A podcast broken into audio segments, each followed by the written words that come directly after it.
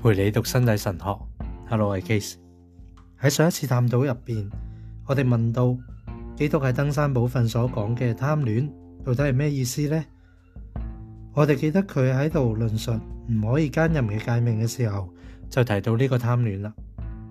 贪恋，更准确咁讲系注视而贪恋啦。呢个行动啊，被定义为喺心入边奸淫。呢一点引起我哋深思。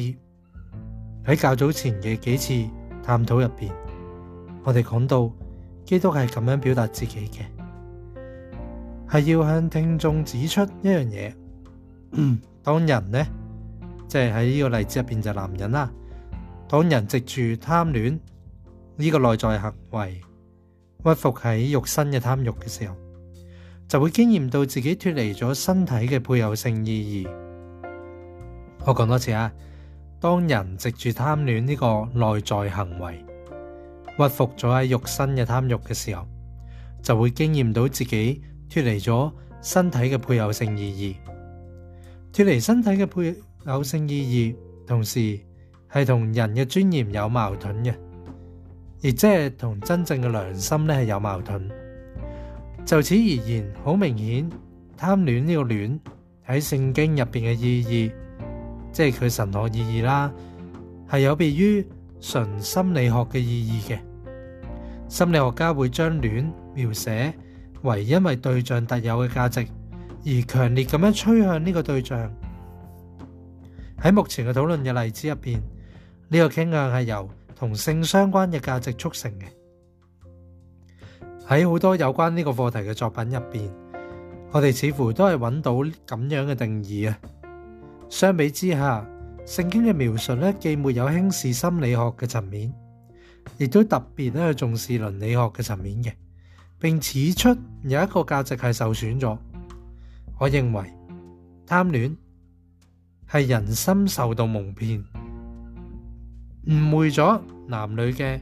诶一个恒久嘅呼召。嗰个恒久嘅呼召，即系藉住彼此交付而去达至一个共融啊！一个位格彼此交出自己，作为一个礼物，交出自己去达至共融。呢个喺创世奥秘入边咧启示出嚟嘅呼召就受损咗，就系呢个价值。因此，当基督喺登山宝训入边提到心或者人嘅内心，佢嘅话依然系包含住有关起初嘅真理，亦即系佢喺回应法利赛人有关男人女人。同埋婚姻所有问题嘅时候所诉诸嘅，即系心理学就可能讲紧恋系一个指向特有价值嘅强烈欲望啦。咁样而喺圣经入边呢，就提到一个价值指向紧一个价值，就系彼此交付去共融嗰个价值呢，受损。咁我继续读落去，我哋已经根据创世纪，尤其是二章廿三节。到廿五節，即係之前嘅分析，分析過呢個誒恆久嘅呼召，以及男女之間恒常嘅互相吸引，女性嘅特質對於男人嘅吸引，同埋男性嘅特質對於女人嘅吸引。呢個呼召係經過身體去傳達嘅邀請嚟嘅，但係唔係馬太福音五章廿七到廿八節所講嘅貪戀，貪戀係肉身嘅貪欲嘅實現。同樣咧都主要係傳言內在嘅行為，但係佢貶低咗呢個邀請同埋互相吸引嘅原有意義，且實質上已經喪失咗個意義添。永恒嘅女性啊，即係 eternal feminine，就呢一樣嘢嚟講啊，就住永恒嘅女性，即係永恒男性其實都係嘅，就係即使喺歷史真實性嘅層面。亦都系傾向擺脱純粹嘅貪欲。而喺人嘅阅歷呢個層面入边咧，去揾肯定。創世纪第三章論述嘅起初嘅羞恥，就證明咗呢一個事實：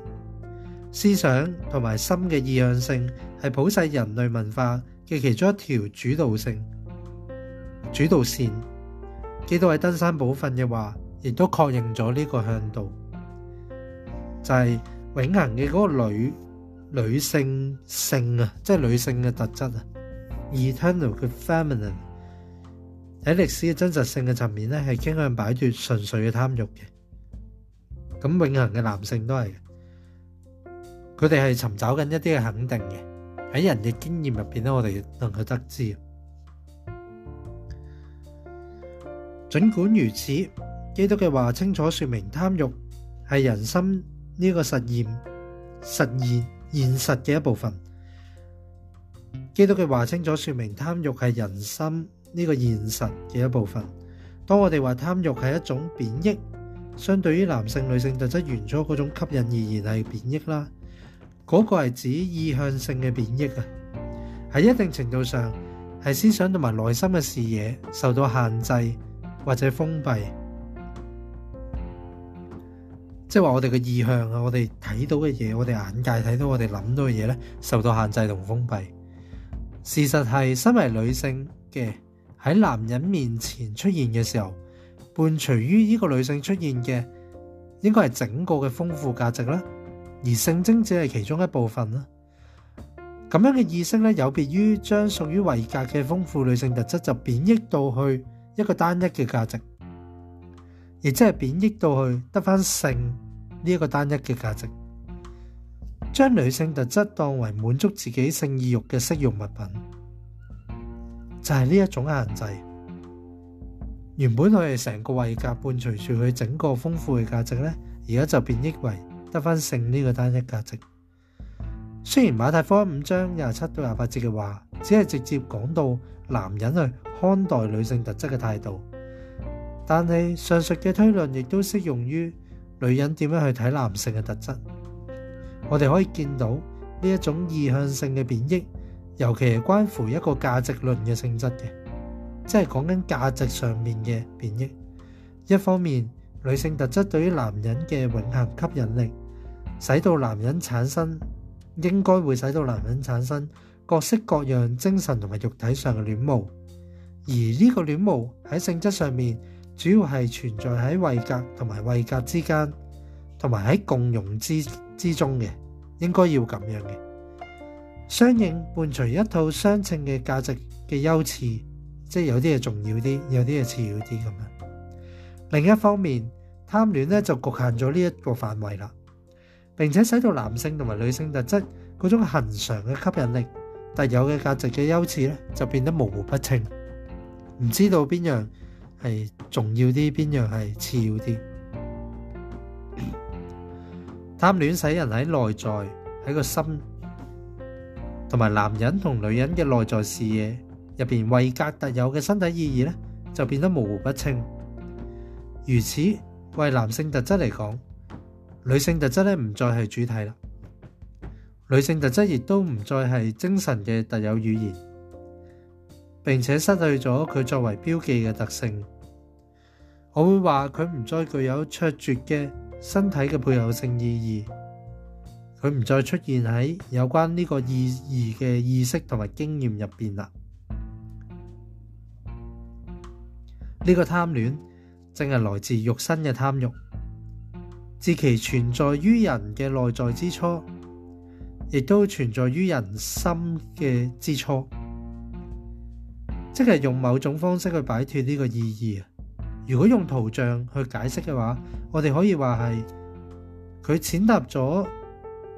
喺身體嘅配偶性意義同埋其所有主體成分嘅颓垣敗瓦之上，踩住咗碎咗，即系身體配偶性意義嗰啲價值啊，構成主體嗰啲位格啊各個成分咧，就好似颓垣敗啊咁樣，俾貪戀咧踩實咗。并因住佢自身关乎价值嘅意向性，而指直接咧就朝向一个目标，视之为明确嘅对象，就系只为满足身体嘅性冲动啦。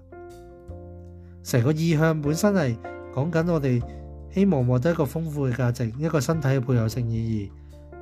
而家呢，就失去咗呢个意义啦，就只系得翻为咗满足身体嘅性冲动。我哋嘅目光，我哋嘅视野。嘅視線受到局限，個意向咧得翻呢一部分。根據基督嘅話，即係馬太福音五章啦，呢一種意向性同埋關乎價值嘅贬抑喺目光啊，即係注視嘅層面咧，已經可以發生噶啦，唔使一定要做出嚟嘅，你嘅目光呢個行為啊，就已經可以發生。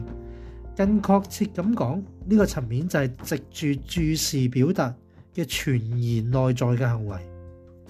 即係話單單望嗰一下喺內在以一個傳言嘅行為啦。